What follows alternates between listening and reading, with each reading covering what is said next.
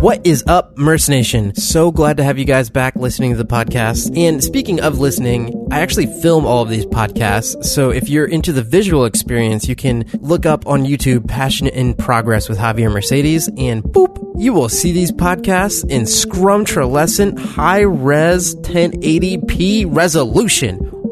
And don't feel hesitant to leave a review or subscribe to the YouTube channel. If you want to connect online via social media, I'm at JAV Mercedes on Twitter, Instagram, and Facebook. So with all that housekeeping out of the way, let's go ahead and move on to the podcast with Justin Tordella, graphic designer at The Chive, on Passion in Progress with Javier Mercedes. That's me talking on this microphone to you. Here we go.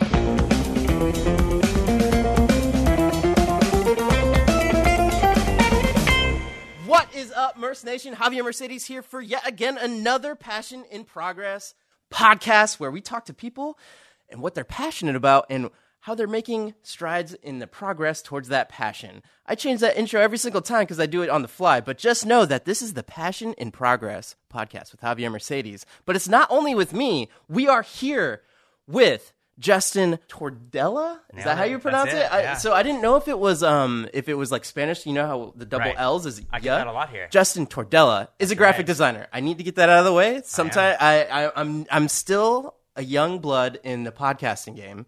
So with that being said, would you please explain what you do at the Chive as a graphic designer? I would love to. I am. Uh, I was hired on here about five months ago to be an apparel designer. Mm-hmm. So t-shirts, hats, all the things you can buy on the Chivery. Mm-hmm. And that's uh, yeah. If you uh, if you're watching this online, he is wearing a T-shirt and he is wearing a hat. I am. I do wear clothes every day, actually.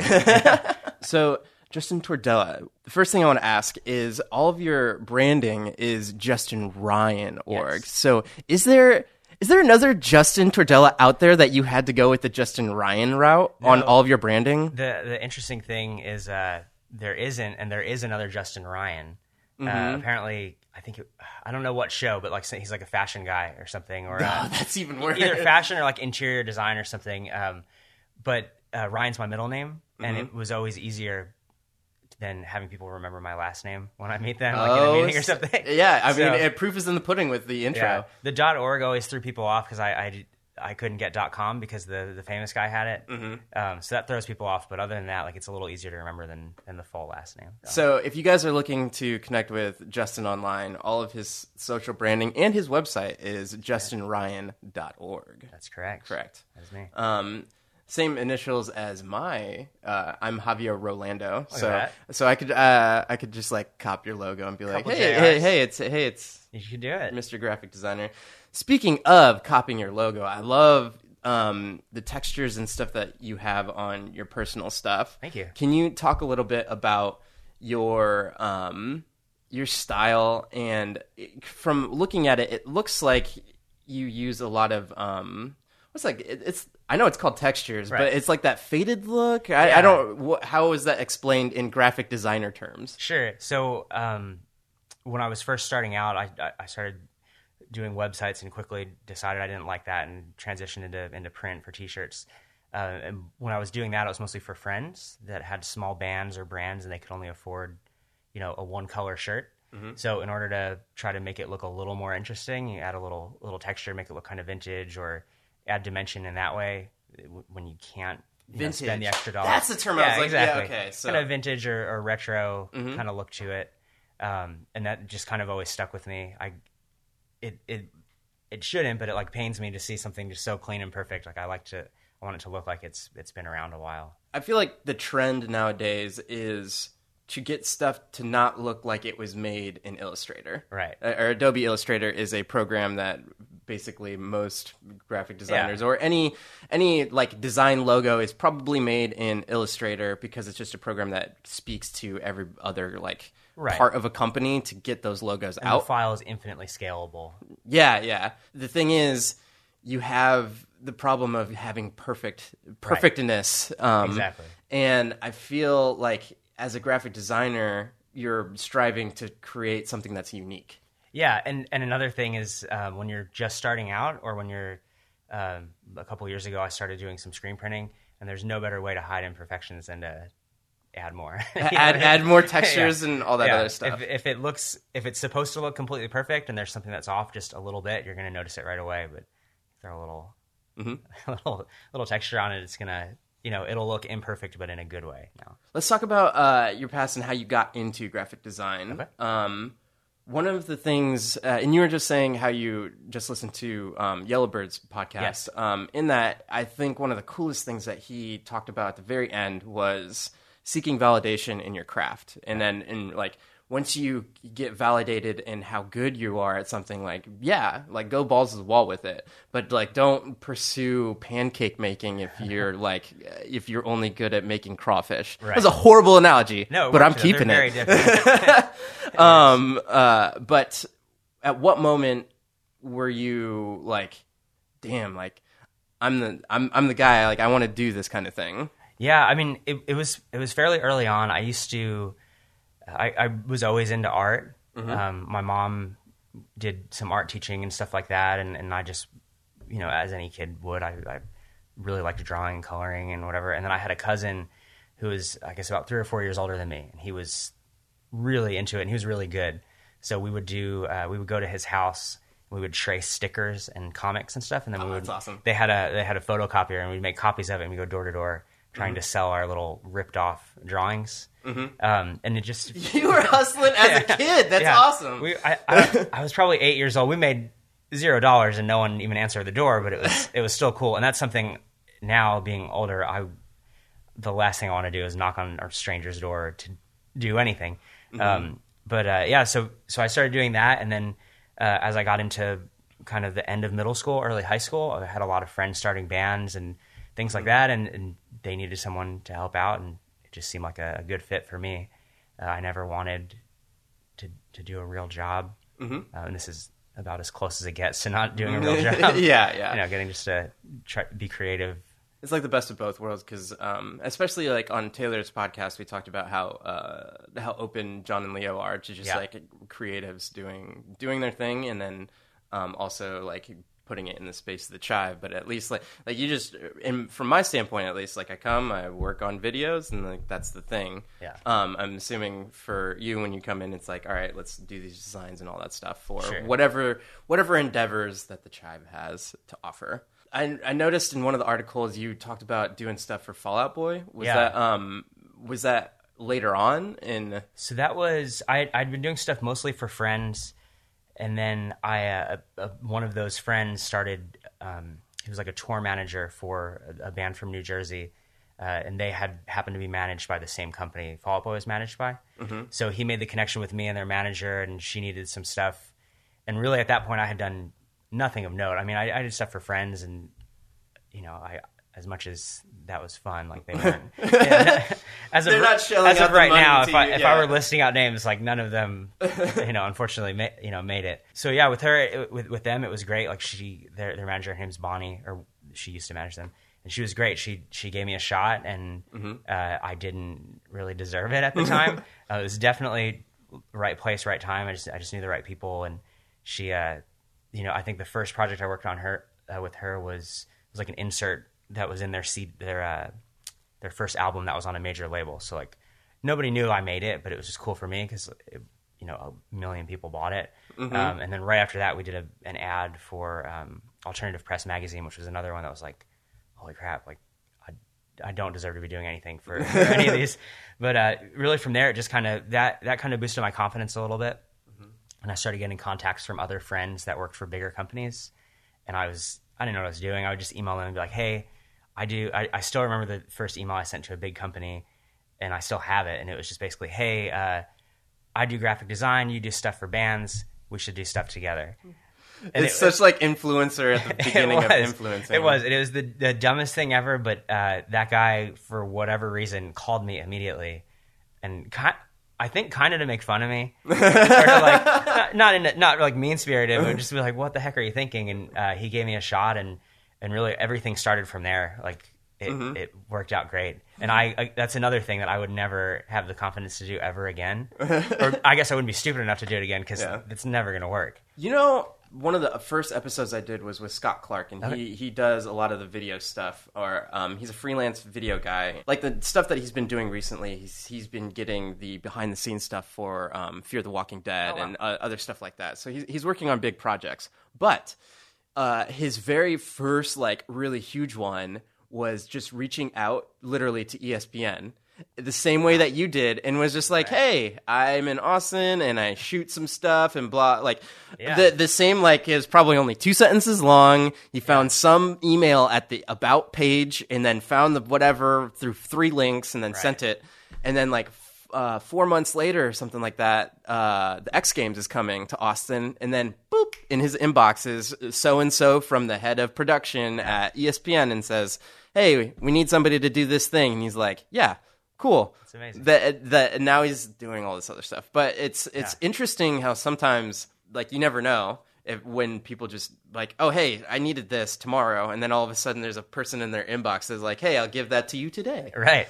Absolutely. and that that's the thing. Like even when I when I reach out to new clients now, um, I've I've realized it. I think the thing that worked about that first one, as as dumb and you know kind of over the top as it was, is that it it was to the point. Like I used to send out these long emails like, "Hey, uh, my name's Justin. I do this, this, and this. I've worked for these people. I've done whatever." And then like at the very bottom, I'd give them my portfolio.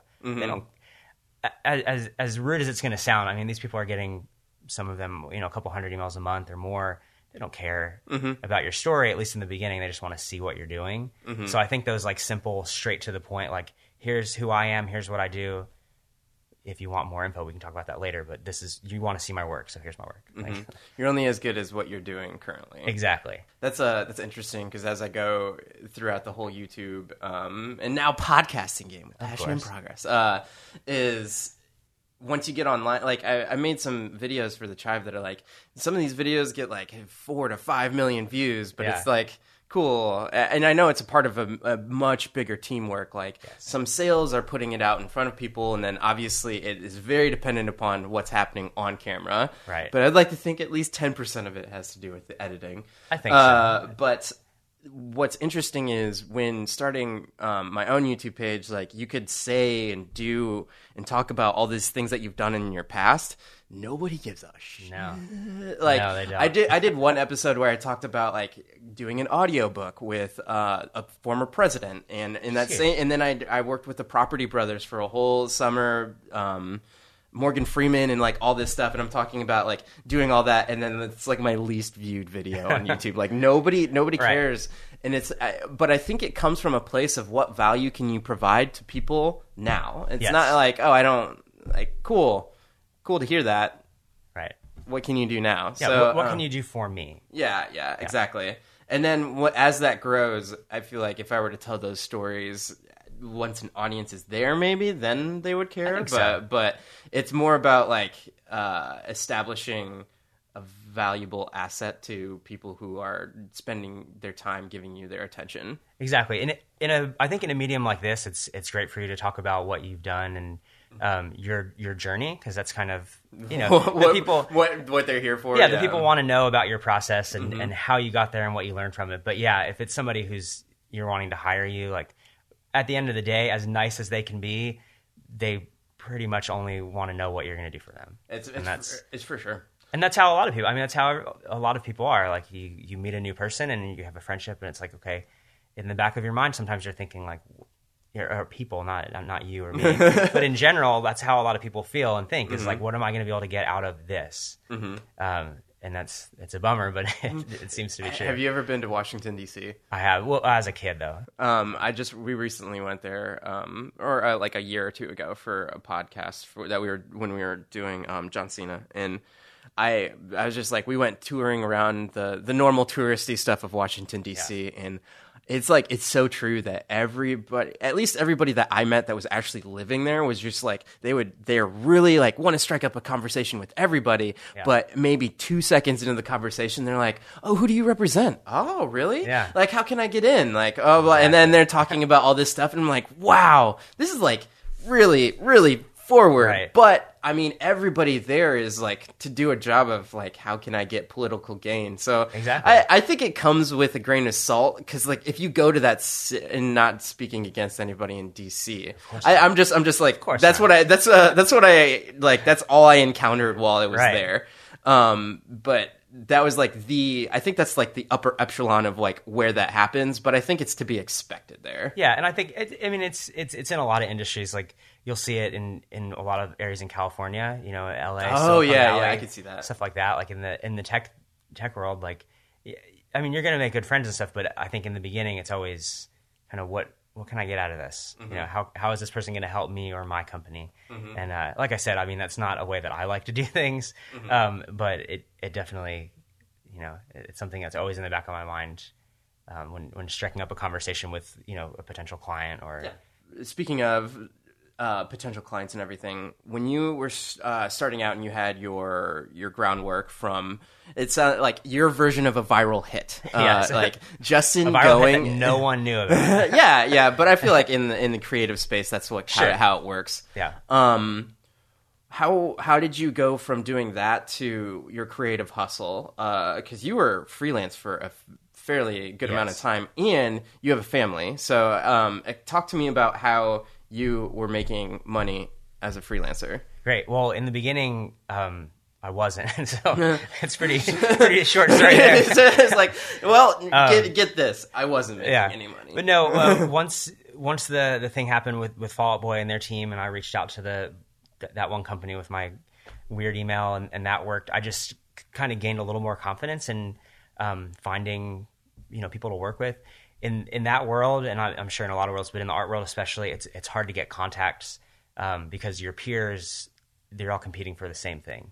So especially in in the apparel or like band merchandise world that I have been in, um, when you submit designs, you get paid a small fee, and then if they use it, you get paid even more. So your friends around you who are also submitting, they want that that bigger paycheck. They want that approval at the end. So it's very hard to get um, people to share contacts.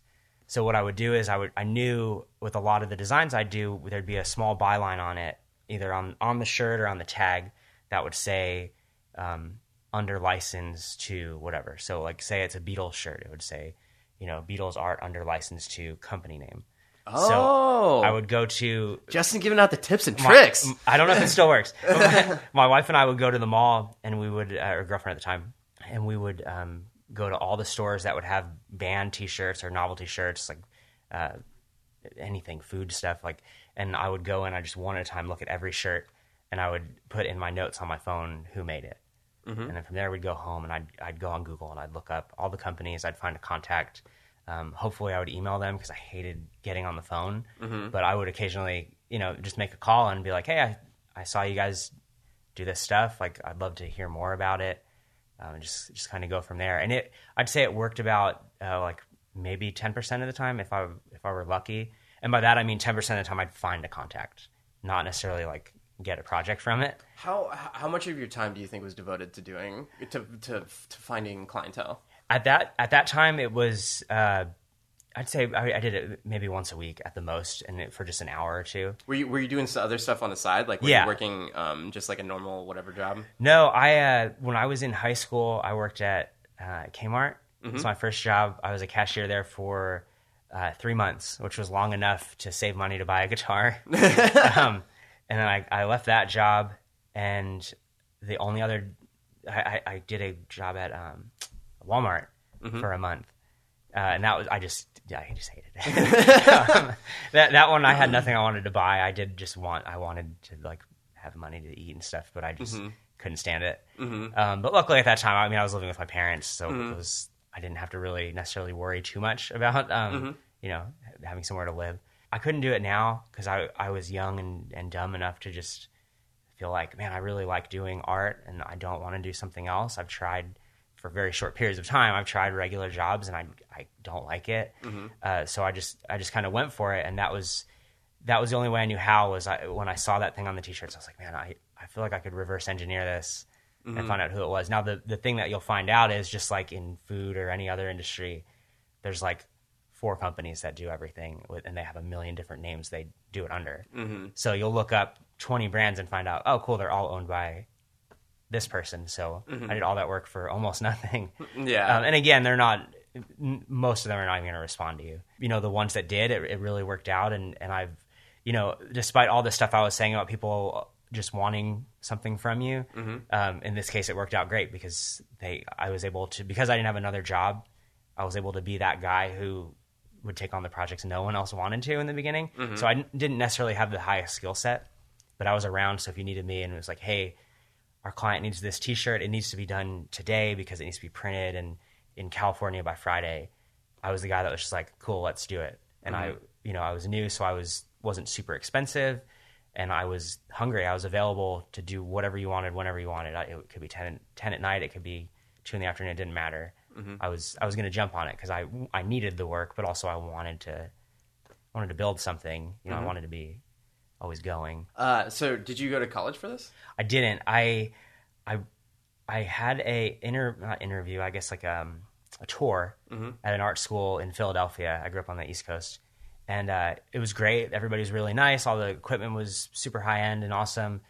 But I just felt like, man, I'm, I think I'm gonna be miserable here. Like, uh, I was already making a little money doing freelance. I mean, and by little, I mean very little, like maybe a couple hundred dollars a month. So like nothing that I could support myself on.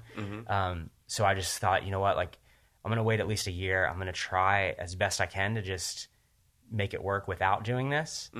And luckily, it it, it worked out. Um, I just like I said, just the you know knowing some of the right people or or just having friends that were really you know open to, to pushing me in the right direction. It, it, it definitely ended up working. I think that's a good example of today's day and age where I think there's definitely an argument for like if you're going to become a doctor or a dentist or any of those like I'm hoping you're get Oh, well please. you're not you're not going to be that unless you do get a degree. So Right. um in my standpoint I went to Ball State and got the music degree and it, like it, it pushed me in ways that I was like, wow, if I can accomplish getting this thing, then I know I can do all of this other stuff. Uh, but I know I, I in one of the other podcasts I talked to Sean Coleman. He did the um the squid. He's the sound designer for Squidbillies, Oh, nice. and we had this the same discussion on whether or not it's um, worth it to go to college uh, for something in the audio engineering realm. Okay. And we had the we were, we were talking about like well you get certain aspects where you know the theory and you know the the technical things um or the I guess the sciency things of musical theory and you can establish this lingo that you can talk to other people Yeah. about where it's like all right here's a 1 4 and 5 chord in a, in a recording session and then as an audio engineer you can be like well maybe you should throw in a flat 7b Yeah. f- sharp that's not a real chord but whatever um It is now. hashtag I'm making it happen. uh, but you you establish that kind of lingo, but is it worth the I don't know what the college that is these days, but like the seventy five thousand dollars that it takes to go there? Maybe because like just what you were talking about, there's there's also everybody else that's there is your peers pursuing the same thing. Right. and then you're all in this like little focused area. And then as you grow in life like those like they start spreading out. And then you never know like when you meet up with one of those people again. But in in what you're talking about like uh your peer circle of these um, band friends and designers like they're like oh hey i get this lead to Fall Out Boy. And then it, Yeah. like it goes on from there I think it's interesting as people pursue what they're passionate about, the opportunities just kind of start to fall, the dots start to connect themselves Yes. as you progress in life. And it's it, once people start recognizing that you're that you're passionate about whatever specific thing, they're like, "Oh yeah, um, you needed that thing. I, I know that guy, Justin. Yeah, he, he Exactly. does that kind of stuff." And then it might not be it, like you were saying, it might not be that like, oh, this is something that needs to happen, and it's a birthday card. But then some CEO of some company is at that birthday, and then, then it's like, wow, this is really cool. Who did this? And then it Right. goes on, it snowballs from there. Yeah, I think it was uh, a podcast I listened to recently uh, had Larry King on it, mm-hmm. and he made the comment. You know, he's interviewed tens of thousands of people, and he says anybody who has told him that they've gotten to where they are without luck is lying. Mm-hmm. And he, uh, the example he gave, I, I'm I'm going to keep it short because one, uh, I'm going to butcher it. Uh, but it was something about when he was first starting out and wanting to get into radio. He, you know, he he ran into a guy from from a radio station and just asked him like, "Hey, I want to get into this. What? Where's the best place for me to be to do this?" And the guy told him like, "Move to Florida. That's a good spot to get into radio." And he made the the comment that like, had he, you know, gone left instead of right that day and you know gone to a different store or a different restaurant he never So would have run into that true. guy It's so and that's true. that's where i was with with that, that's what i always try to think of is like there there were and and still are a ton of people more skills than me more talented than me um, but i was just you know like i said a lot of it was the right place at the right time and me just being eager to do it um, and and that was always in the back of my mind when i decided not to go to college is I don't know if it's better to go or not because I, I don't have that experience. Um, I know there's definitely you know things in its favor. I mean there there are things that I'm still learning now ten years later that I probably would have learned in college pretty early on. I mean you were talking about the music theory and it's like it took me years to figure out like okay yeah those colors actually do look terrible because they they don't complement But each that, other. but, but then you can you you know the theory behind why that is Exactly. Yeah. And that, and that's that's the thing is like people like you were saying you learn all the lingo and I remember earlier on going to like these designer meetups or and things like that and people will be talking about stuff and like how did you come you know how, I liked this design you did how did you get to that point like what what made you want to go in that direction I was just like oh it looked good like, I have no idea I- you weren't like, well, it's the golden ratio. Yeah, I was like, using Fibia- Fibonacci Yeah. sequence to don't know why establish these. Uh, I just thought it these did. angles. and and you know a lot of times that's not enough but um, you know lu- luckily uh, it, it ended up working out for me and and I think you know interesting enough a lot of my friends now a lot of my peers um, in design and in and out of the industry that I'm in did the same thing just uh, right out of high school just worked as hard as they could I love that man. That's Yeah. awesome. me too. And and that I, I lived on the East Coast for the first twenty years of my life with my parents.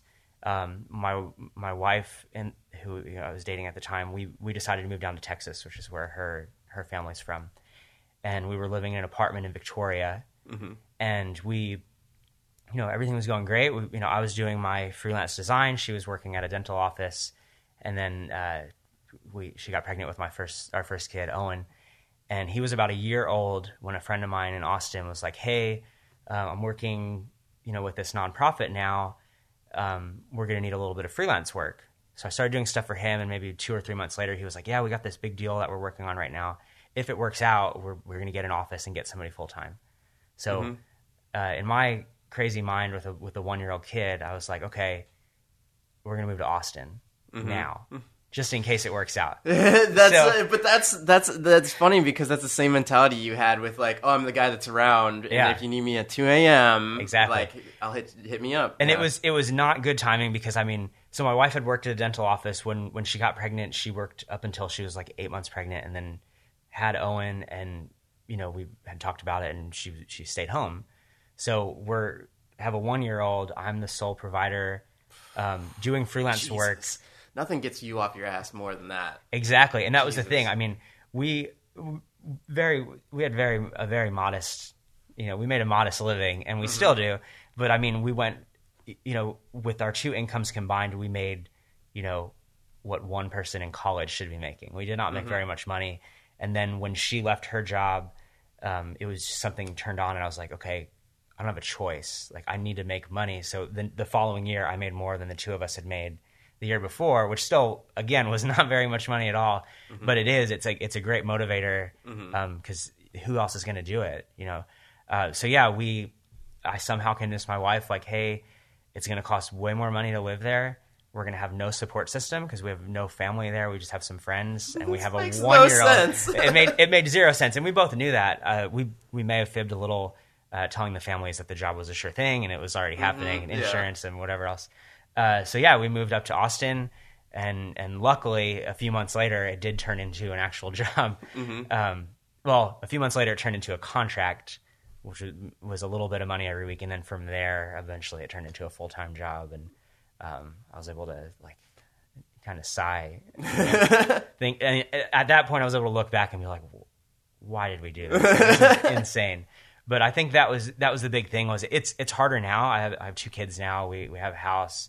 It's harder now for me to be like, "Hey, let's just you Pick know up and go. Let's just forget everything that we're doing right now that's making sense and just do the opposite, which is what we did then. But I I'm so glad we did it because, um, like I said, it worked out. I mean, I ended up working at that job for for five years and continuing to do freelance on the side of that. So um, it, I really lucked out there because I don't know what I'd be doing, you know, if we were still living, you know, in South Texas. Just I'm sure you would have found something that would have been the equivalent of so. where you're at today, in in terms of like, uh, just pursuing what you knew you were good at. 'Cause Sure. I, I feel like as you progress in your craft, then it's just like, like I said, the dots start to connect themselves, and something's gonna pop up where they need you. yeah, you know, outside of just it being a crazy idea to move, I wasn't I wasn't chasing money.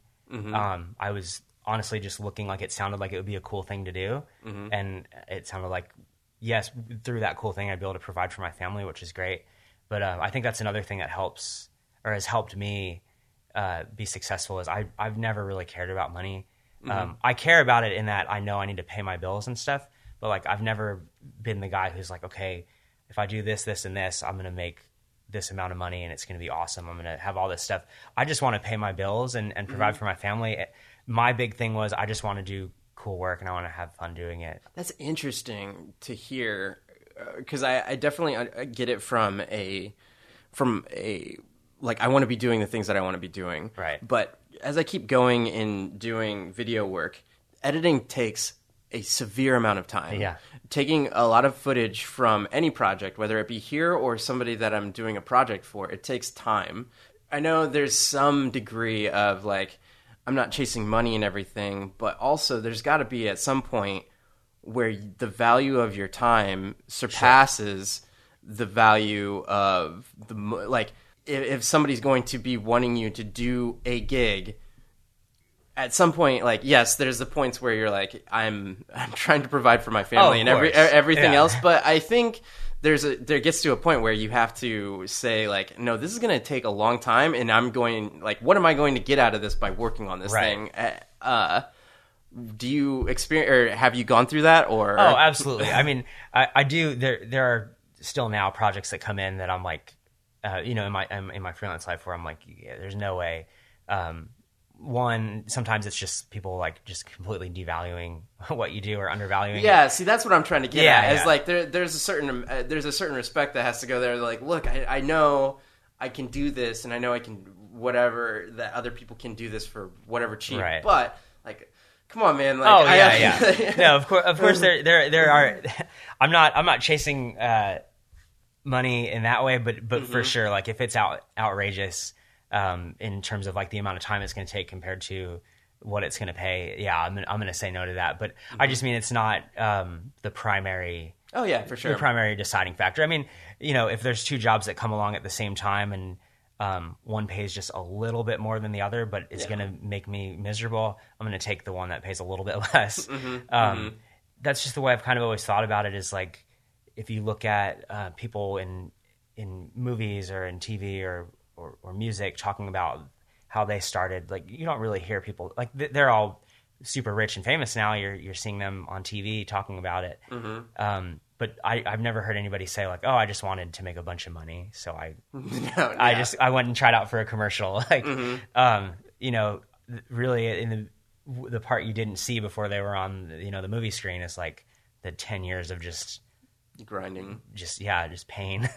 Yeah, um, yeah. of, of of little money and and uh, a lot of hard work. And uh, I think that's just this is gonna sound like I'm like trying to be cool. Uh, but and I'm not cool. Um, I don't I, I can't relax. Like I'm not like i I'm not the guy who likes to I mean I'll I'll sit down and I'll I'll watch basketball. Um, but my ideal situation if, if my kids are I want to I want to hang with my family, but if they're doing something or the kids are out or they're sleeping and my wife's doing something like if I'm watching basketball, I want my computer in front of me. I want to be working, um, whether it's designing something or just like reading, learning something. Like I can't just sit down and do nothing. Um, and I I, th- I think I got that from my dad. He he was always always working. Like he worked to relax, and I think that's that's kind of what I do. So. Um, I think that's that's been a big help for me is just like like I said, always being hungry and always being on to to take on any project. But yeah, of course, if somebody comes in with something ridiculous, I'm like, get out of yeah. um, always being hungry, always be on. Man, right. that might be the title of the podcast. That's it. It. we'll, we'll work on a contract. Um, speaking of hungry, let's let's let's dive back into your own personal stuff. The Yeah. the what you're doing right now, the the pizza and all that stuff. So explain by, the concept behind that design Okay. because it seems like that's the thing that you're pushing right now. Sure. So uh, the the job that I was talking about that I moved to Austin for, or moved to Austin for. He um, did he did air sorry, quotes did air for quotes, for, for people that are audio media. I, yeah yeah. Um, so when I when I moved to Austin, I, I worked at the nonprofit job for five or six years. Toward the end of that, it was it was very clear that was not a place I wanted to be anymore. Not I, not to to bad talk them, but uh, it just wasn't working out. So I I left that job and I spent a year just uh, doing my own thing, um, full full time freelance with uh, two kids, one that was just born in a new house. But now now at least you're established and you Yeah. have some connections. have some connections. odds. Yeah, I mean, it, it in the in the music world, it's unfortunately like you know you're you're that guy for so long who they can come to at any time and you're going to do it, which is what I did. And then I got a full time job, so now between nine and five, I'm like, yeah, guys, sorry, I can't do that. That, that's the value thing. That's what I was talking about. Like It you don't have the time. It is you is the value thing, but then but then when you leave that job five years later, those companies found a hundred new people to do stuff for them. Yeah, instead. yeah, for sure, for So sure. so it was a lot of you know trying to kind of crawl my way back in. I, I still had contacts and I still was doing freelance, just not enough to to make a living. Mm-hmm. So I just started thinking like, what can I do to um, you know make some more money? Uh, at that time, it was like, oh shoot, like I do I do care about money right now. Like, Yeah, yeah. Like we bought this house less than a year ago. We have a a, a you know six month old baby, and I have no job. And I'm starting to no recognize insurance. that you that you put you you put th- uh, I don't want to make this sound Please bad, uh, but it's uh like you put things in place to make you um, accountable. Yeah. and I like obviously I don't mean to say that as in like oh. I had a kid and now I'm like accountable for this, but like that kid is coming and Yeah. like this is this is that next this is like the leveling up in the game of like well here's this here's this thing we need to go do this um Right. yeah but can continue I love the not to not to talk about basketball again, but I love the fourth quarter. yeah yeah for sure I try. Like that's when I do. I feel like I do my best work is when I'm Mm-hmm. like scrambling to figure it out, and that's my my wife always gives me grief for it because I'll I'll get a freelance project in on a Monday that's due the following Monday, and I'll start it Sunday night because Oh, I just like I technically yes I could have worked on it other times I could have prioritized and figured it out, but like I like the scramble. I like Mm-hmm. um, of course I want to deliver high quality work, and I always try to make sure what I'm sending is is you know to par or better. But I feel like I do some of my best work when I'm like under that pressure. So as much as we were nervous when I left the job, um, there was something in the back of my mind that I don't know why, but that told me like it's gonna it's gonna be fine. You're some gonna people just like work that way yeah like clockwork and and I- think my wife had been thinking she was super supportive, but she was the one who was thinking like this is not going to be good. Like, this isn't how this works. Like, you don't just leave a job and then just figure it out later. yeah Um, so so yeah, in order to try to make more money, I was like, okay, I need to think of some side projects. Um, I need to do something uh, where I'm not relying on this company to contact me and give me work. Like I need to be able to generate true. on my own. Um, so luckily, a few years earlier, I had started selling. You, know, you had mentioned the textures earlier. Mm-hmm. A few years earlier, I started selling those on my own. I started a little store. Didn't make a ton of money, but I knew at that time, like, cool, I can put more time into it and hopefully generate a little more that way. Yeah. by the ahead. way is that store at justinryan.org Yes, if you go to justinryan.org and you hit the, uh, I should have looked at my website before this, um, either the shop tab if there is one or the texture club tab. That'll take you to my shop uh, where I sell textures and vectors and fonts. for all you graphic designers out there you should check it out but Use continue. the use the offer. No, there's, there's click the microphone on the top corner. Uh, no, um, so yeah, I started doing. I, I started putting more time into that, and then I I really like uh, memo books, like little notebooks, like field notes Pocket- things Yeah, yeah yeah okay Oh, I was gonna take one out, but we're, oh no no i mean if people are watching it online they can my see field notes. Look at Um, that. I that's love your design too on the back isn't it that is I, uh, for my my zip code. Um, so I, I'm really into these notebooks. I I collect them. I have hundreds of them. It's Mm-hmm. uh, it's weird. Um, it's an obsession. and I thought, okay, I want to make my own notebooks, but there's a million people making plain notebooks with lined paper or gridded paper. And I was like, well, I like notebooks. I like pizza. I'm gonna just combine those things. So I was like, I, I made this thing called the Pizza Log, where I was like, okay, uh, so the cover's pizza related, and then you open it up, and it's like you write down the date and where you are and who you went with and what you ordered, and then you review it in your notebook for yourself. It was like Yelp, but inconvenient, and you can't share it at all. Like, but it was something that I But was it was like, niche enough that it just Exactly. might work. It was niche enough that it just might work, and more importantly, by ordering the pages to make you know uh, uh, several hundred of them, I could have one to put in my pocket. Like that was that was the main thing I cared about. Was like I think this is a cool idea, and the only way I can make it in the quality that I want is to make a lot of them. So hopefully people will buy them, uh, and luckily they did. that I looked out there and. Um, I, I had told a couple friends that owned shops in the Austin area, and they they picked them up. And because I was in the the world of collecting notebooks, there was like a lot of Facebook groups and forums that I was in, I was able to post about them and be like, "Hey, you guys like notebooks? I made this weird thing. Just thought it was kind of funny." Um, and I ended up selling out of that first run, and you know, did not make a ton of money off of it, but it, it helped us float by for a couple more months. Um, where I thought like, oh man, I just need to keep such an interesting I need story, to keep, man. I need to keep coming up with more ideas and more things to do. what a grind. What yeah. a hustle. So, but then that turned out um, it's it, paper got more expensive somehow. I don't know how. Those paper textile. so when I went to do the second run of these, uh, it was going to be like double the price, and I was like, I'm going to chill for a minute. So I haven't I haven't done anything with them since, but Mm-hmm. uh, I sold out the first two runs, and I had a lot of fun with it. Mm-hmm. And like I said, it, it helped us kind of get by for a little while, fill in you know what what I wasn't making in freelance, and really from there I got the bug of like, man, I want to do more of my own stuff. Like I always loved the idea of, you know, as much as I, I like to work, mailbox money's cool too, where I put in a ton of work in the beginning, like the texture stuff. I'll put in all the work in the beginning and then, you know, I have things I made to sell on there five years ago that people still buy today. Not, not a ton. income, yeah. Residual income, exactly.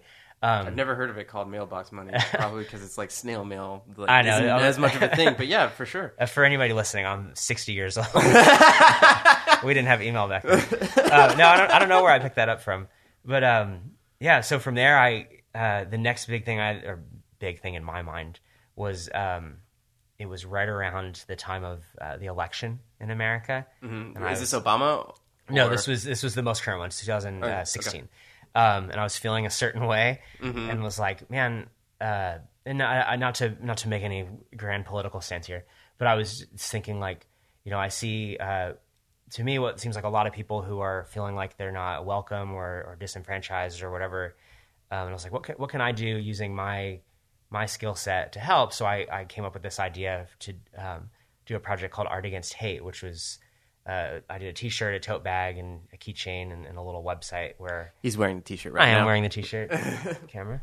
Uh, um, so, uh, so I, I, I did this T-shirt. I had um, a friend's print shop printed them out for me, and they put them in their shop up in Dallas. And I sold them online. And, and the whole idea was I'm going to sell these as soon as I make the couple hundred dollars I put into it back. All the money's going to go to um, Southern Poverty Law Center, which is a, a great nonprofit. Instead, I got really excited when I got my first order, and I started just donating everything as soon as it would come in.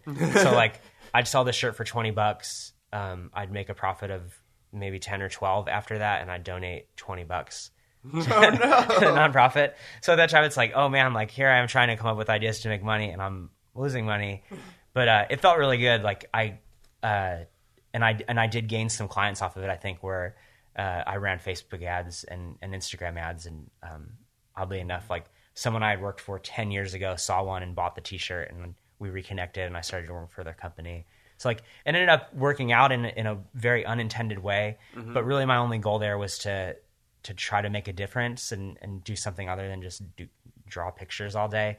Um, and at the end of the day, I ended up, you know, I donated, I think it was like $4,000 to Southern Poverty Law Center. I was super excited about that because, um, What a great reallocation of money! Like taking taking some other. I, I think uh, in terms of like doing things like this, what I love about um, doing projects where you you raise money for other people is like Right. you're just re reallocating the funds from like other like in little minute pockets Right. of like all right ten dollars here ten dollars here it's like all right well let me just like redirect these to like where Yeah. i want them to and the fact that you can do that for four thousand dollars is awesome yeah and being being unemployed and and uh you know just freelancing you know trying to survive i there's i couldn't donate a hundred dollars of my own money like so so like you said i i knew i needed a way to to i i felt something inside me that was just like man like you need to do something for someone other than yourself. Um and that that that was it. And, and like i said luckily it worked out. It gave me a little bit of exposure to to some of the right people where i was able to pick up some some new clients off of it which is was a great unintended uh, consequence from it. But um you know it just it like I said, and, and I I'm I am in the process of, of kind of kicking it back up again. Um, you know, I feel like kind of now, now more than ever. You know, there there are um, certain people who who need help a lot more than than I do, um, and that's that's something I, I always try to tell my son. Uh, I'm, I'm digressing here, but I, I always try to tell my son like we, you know, him and him and his sister kind of hit the lottery. Like they they live with a family that loves them. They have a place to live. They don't have to worry about food. Um, even if even if you know me and my wife are struggling, they they don't need to worry about that. They're they're gonna eat. They're gonna have clothes. He's gonna have like school supplies. There's a lot of kids that don't. Um, so that's what you know. I try, even though we don't have a whole lot, and even though like I could have used four thousand dollars. I mean, that's another great way of putting it yeah, yeah, for sure like I, I for sure could have used the money. You know, sometimes you just have to do something to help people uh, that you know n- that need it more than you. Honestly, if I would have done this same T-shirt, um, but not had the message behind it of, oh, I'm going to donate this money to Southern Poverty Law Center, um, you know, to help in their pursuit against you know hate groups and stuff like that. If I would have just said, hey, I have this cool T-shirt, I made it, buy it, I, I wouldn't have made that money anyway. You know, I think the message was was what was important and what what drove it. That's that's awesome, man. Um, let's let's talk about social growth and Yes. like branding and things of that na- nature because you, you brought up that you ran Instagram and Facebook ads. Yes. As a freelancer, um, what were you doing to get exposure? when I first uh, went full time freelance again, I um, I didn't know what to do. You know, to build an audience. I had I'd spent all that time at my full time job. Like I was comfortable. I was I was doing hard work there, but I knew every month I'm gonna I'm gonna get a check. I'm gonna have my insurance. Um, so I didn't really spend any time trying to build an audience online. And I realize now that was a mistake because it's not easy. But I mean, you need to you need to do you need to live it in order to know exactly. what to do. You know. Exactly. So so once I left that job, um, I started trying to figure that out. I started talking to some friends that have decent followings, um, and they they gave me little tips. You know, being consistent being is one of them. Of course, like trying to post all the time, which I'm terrible at now. I went a good maybe six months where I posted every day, and that's I mean you see your followers grow. Um, not it's not super rapid or instant, and it's not magic, but you're going to see the numbers go up slightly. Um, but but yeah, so I, I I just did the best I could to try to use the right hashtags and and stuff. Things that I always thought were just like Why are there so many Yeah. hashtags at the bottom of this thing? Yeah. And then like once you start to try and get a following, you're like, oh, I get it now. Yeah, like my friends would show me they'd they'd, ha- they'd post something and it'd have hundred likes, and I'd be like, "Who cares?" Like, I'm, because at the time I was just using Instagram to post pictures of like my kid or my food, mm-hmm. and it's like I don't care if hundred people liked it, but then when I'm posting my work, it's like, why do I only have hundred likes? Like, where, where's everybody? uh, because now like I'm hoping that someone's going to see this and going to hire me for something. Um, so yeah, it's been it's been hard. I focus mostly on Instagram now. I'm still uh, I'm at like 900 followers right now, which for me is a big deal. Like, um, you know, I was at like 100 when I first started trying to grow it. Uh, again, I think if I were to put more effort into it, it would it would work out. But I just get burnt out of like trying to make sure I have something good to post every day. Like, it just gets hard. I, I was talking to Taylor about this, um, and I, but stuff stuff from Instagram guru Javier that has less likes or le- less followers than you. I, Please, I please. think I, I think I have like six hundred now or something like wrong that. But but as a as a consumer of content, I. And another person that I talk to a lot about this is um, Savvy Mama. She's uh, to give you some backstory. She um, she went viral because she did a Facebook live of her birth. Oh, wow. Uh, yeah, exactly. She like that. Like all you have to do is say that, and then people are, are It's interested. intense, But she, but she, she, she was she's primed to do very well on the internet just because of the person she is. She's very she's very personable, and she's like Right. she likes talking to people, and like she could talk to anybody about anything. Um, also, she has a podcast that's coming out, but re- Yeah. uh, I digress. But what I was going to say is we, we talk a lot about social stuff, uh, her and I, and um, just like what's working, what's not working, and all that type of stuff. And this, a couple of things that I like to see or not necessarily see but that i think work is like if you are posting daily it's more about the journey than like showing your most perfect thing Right. because if like you like you said earlier you need to showcase the fact that like oh yeah you are doing it from day to day so like on mine i'm like i don't know what i'm gonna post today and then like i literally just set my camera up and then i just filmed myself working Right. and then and, and all I did was do a time lapse of that, and then I looked at it, I was like, man, this is pretty cool. And then like there's there's one for Yeah. one day, so it's like. Uh, not only that, but like, all right, well, if I'm setting up all these cameras in here, then I could do a time lapse of that, and then like, okay, that's pretty cool. Uh, and then um, instead of because like it has to take so much time to come up with designs every single day, and I know Right. um, Bomley, the the lead designer here, uh, it was is doing a doodle a day. Yeah, he was, it- yeah. it- it's just like all that stuff takes time.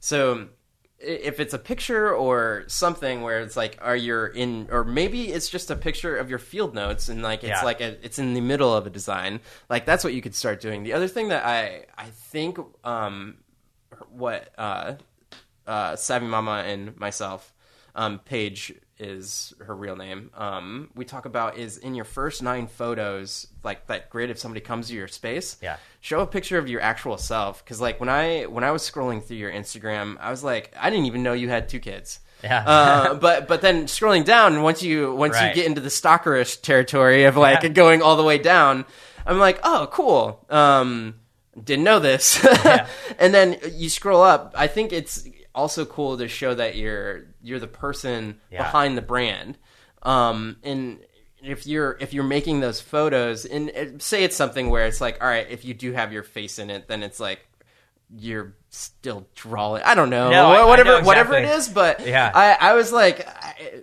to me it was like I, I was doing just what you were doing, where I was like, here's a cool photo of some coffee.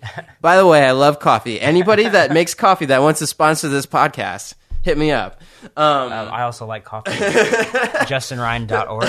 Yeah. You can contact me through there. um, but I was doing that, and then all of a sudden I was like, all right, let me just start posting pictures of cameras and others because Yeah. I'm like I'm passionate about cameras and all that stuff. And then out of nowhere, I like I I like now I get like maybe two to three DMs a day from people that I had no idea, or maybe it's a text message or an email or some some sort of person is having an interaction with me about like, oh hey, um, what camera should I get? Like, Yeah. or what are the? And I was like, where's this coming from? And then I would, like. I was like, I look at my my Facebook, and then I switched my YouTube content to just being like the the um the camera and Yeah. tutorials and things like that.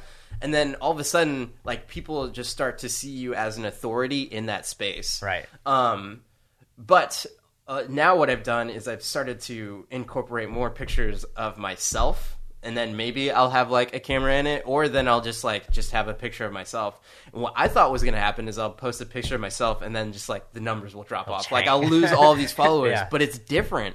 It's a, either my numbers will stay the same, or more people will comment and do all that things. And what's Right. crazy is I noticed if you scroll through your feed, you go look at that one picture where you're like, oh, I noticed that I've only been posting pictures of um, my art, but I wanted to break it up. Look at the amount of likes Yeah. that you have on that one compared to the other ones, and yes, they're like you have some bomb ass designs on you. there. So, so like obviously when you have a bomb ass design, like it has the um, Sure. it has it has the likes, but then if you look at the photo that you actually have a photo of yourself, like it ha- it has the traction there because pe- I feel like people want to see the actual person that's doing the things. You, you know that that makes a lot of sense. And I, uh, when I was first starting to get back into Instagram, I stopped posting about like my kids, or I, I made a separate thing for like my friends and family where they can see those pictures. And I started like, okay, this is going to be just work. So like, if you go, if you take a couple hard scrolls down my Instagram, you'll see like everything is exactly the same color palette. So like it's all like a light color background with um, a two color palette of like a pink and gray. Um, and then there's a period where everything's a gray background with pink and off white. Um, because I was thinking like, man, maybe it, I always thought it looked good mm-hmm. if everything was super consistent. Yeah. But yeah, I I quickly realized one like it's nice sometimes to give yourself those restraints and kind of design like in handcuffs of like mm-hmm. it has to look kind of this way it has to be these three colors in this order um, but at the same time i just i don't know if i care now yeah, yeah, like yeah. I, I i want it to look good but the way that i look at instagram is i scroll through my feed if i find something that i really like i'll go to their page and i'll scroll through Mm-hmm. i'm not going to get upset if it's not like all super consistent in the same color Mm-hmm. so yeah i think the picture you were talking about was um, a friend an old friend of mine from school was in town Mm-hmm. in austin and uh, he he was like hey let's take a picture like we haven't seen each other in 10 years like Mm-hmm. so he, he, we took a picture he texted it to me and i was like i'm gonna post it like this was a, a fun day. It was great seeing my friend like whatever. And yeah it was the first thing i had posted in six months or more where it was like oh i have i'm not going to use 30 hashtags on like it has nothing Yeah. to do with my work. And yeah it got more likes than a lot of my work does. And that's and it's funny because in my like in my real life my non-online life i i like i'm such like a text and email person. I mm-hmm. hate being on the phone in-person contact is is great but like i'm just so much more comfortable like behind my device um, but but when I go on trips, like if I visit New York or, or California or just like any of those cities, I always plan a day to visit clients.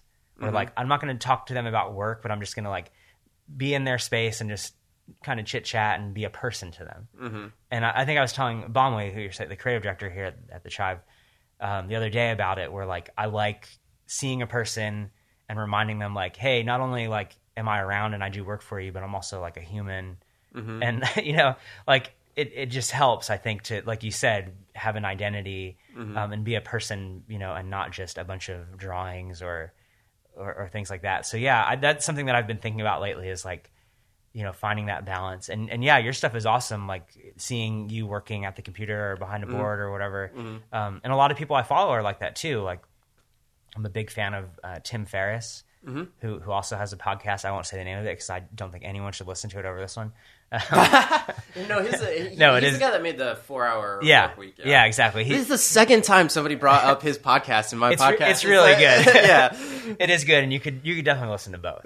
Yeah. No, but but uh, a lot of his posts are just like him holding a book, or him like holding a supplement he takes, or like a tea he drinks, and uh, obviously he has a much bigger following and much more influence than me. Like if I post a picture of me holding a book, like it's more likely people are gonna like find that book and return it than, than they are to like go out and buy it. But um, it does it, it it makes you feel or it makes you more human. Like I think one of my most uh, my most liked Instagram post was like I I did I took a field notes um, and like two books two art books I liked and I put the field notes on top of them and I took a picture of it on like our wood floor and it was like daily inspiration or whatever. And, like a ton of people liked it. I because I, I again because I use like the right hashtags and stuff. But uh I never really thought like oh, I should just keep doing that like because I again like I was in that mentality of everything needs to look uniform and the same. And Well, I think I- I, think there needs to be a balance of both and I'm Yeah. still trying to figure that out.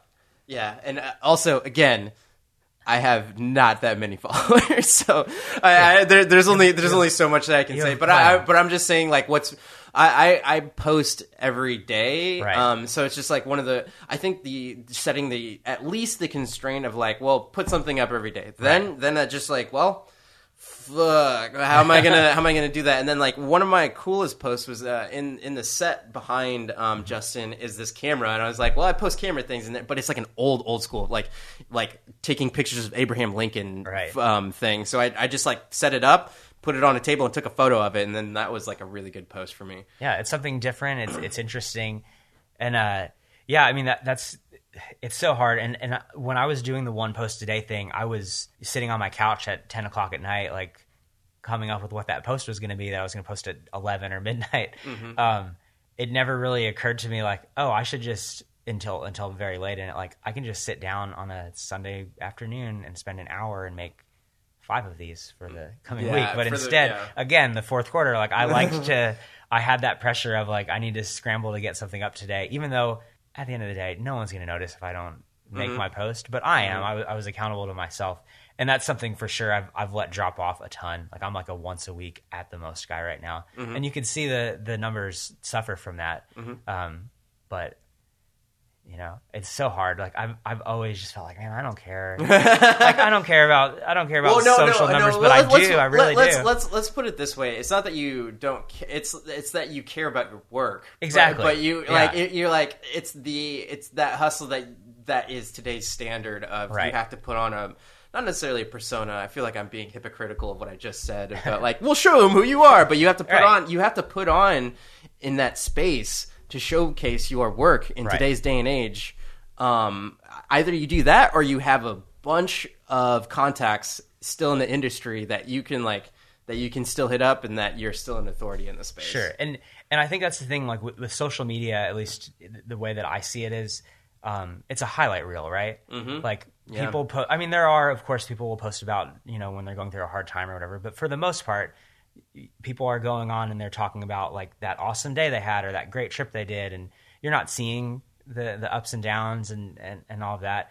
And I think we in in the space that we're in in the creative space, the people that are going to follow you, they want to see the ups and downs. They want to know like Yeah. here's that hard project. Here's you know here's the 50 sketches I did before getting to the actual final one The journey. because exactly because they're they're on that same journey or a lot of them are um, so i think that's hard to overcome too is like uh, i when i was doing these posts i wanted everything to be perfect. Mm-hmm. um, not realizing like a lot of the stuff i like is the stuff that isn't. I like to see you know i love that you got that logo approved but i like seeing the 10 that they hated because i want to know how you got there.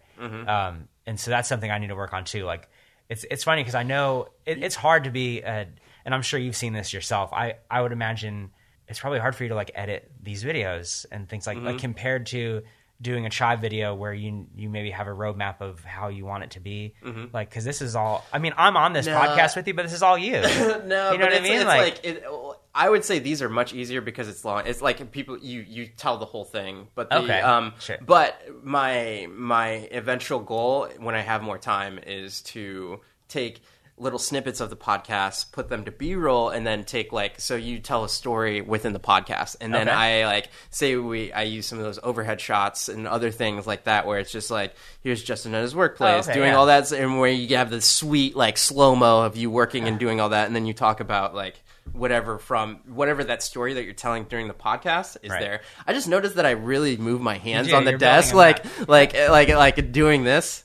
Um, It's funny any- because I'm I'm a, I'm Italian and uh, I've been fighting this whole time to keep my hands down because I'm a very Yeah. talk with my hands person. So Yeah. you're making up for it for me. But uh, let, us go ahead and start to wrap this up. One thing that I like to ask everybody at the very end is, uh, in your craft of being a graphic designer, what is just one piece of advice that you can give to somebody that if they were back in the their high school days with all their uh, with all their friends doing the band thing or whatever, if they wanted to get into graphic design nowadays, what would you tell them? honestly, um, it would just be to, to be willing to do the work. I mean, it's not always going to be fun. It's not always going to be like the most exciting project, but um, that's how you're going to get to the exciting projects is by you know making your way through the not so fun ones and, and building the contacts. Um, you know, luckily, most of my first projects were with friends. Um, they they you know because it was friends, they did pay very little money or like a slice of pizza or something. but um, you know, it, it took that in order to to do the stuff that that did make money. Um, another thing I, I would say is just like, you know, really, I wouldn't I- don't do it if you're doing it for money or to try to be a cool designer guy because it's not it's not going to be a cool time all the time. Like, uh, do it because you like it. I mean, that's that's why I did it. I I had limited experience in working. Like I told you, like I I tried being a cashier and like stocking shelves. Not that I would have done that for my whole life, but I knew that made me miserable. And uh, when I would just for fun open up Photoshop or grab a sketchbook, like I'd have a lot. I'd love it. Like that would be great. So uh, I would say, yeah, just just ma- stick with it and just make sure you still love it. Like if if you're not enjoying what you're doing while you're you know working with these crappy clients who don't pay a whole lot of money, do a side project. Even if it doesn't make you much, do it to remind yourself like this is the work I love to be doing, and eventually, you know, I'm not going to have to worry about those other projects. I'm going to do just I'm going to love it all the time. Awesome. Yeah. Thank you so much, Justin. Where can people find you? Uh, you can find me at justinryan.org, um, or you can find me on Instagram, justinryan.org, just with, without the dot. Mm-hmm. Um, Awesome. yeah. So uh, be sure to check out his textures and things like that uh, on his website. If you want to find me on social media, I'm at JAV Mercedes on all the social things Twitter, Instagram, Facebook, and uh, on YouTube. You can watch these in actual video format in 1080p crisp high resolution at the Passion in Progress podcast. And then I have my own personal page where we were just talking about doing like all the video things, tutorials and whatnot. Javier Mercedes on YouTube. Just type in Javier Mercedes on Google. You'll find your boy. This has been the Passion in Progress podcast with Javier Mercedes and Justin Ryan Org. Go check out his website. Thank you. And uh, I don't know about Javi, but I wasn't joking about the free coffee. So I do like cold brew. Uh, Oh yeah, that's right. It's in your it's in your Instagram uh, little thing, uh, cold brew. Man, that'd be that'd be cool. I want to. Hey, hey, uh, cold brew coffee. tons of places in Austin Yeah. that, that make bottled cold brew. All right, thank you guys. Also, don't forget to leave a review on iTunes, please, please.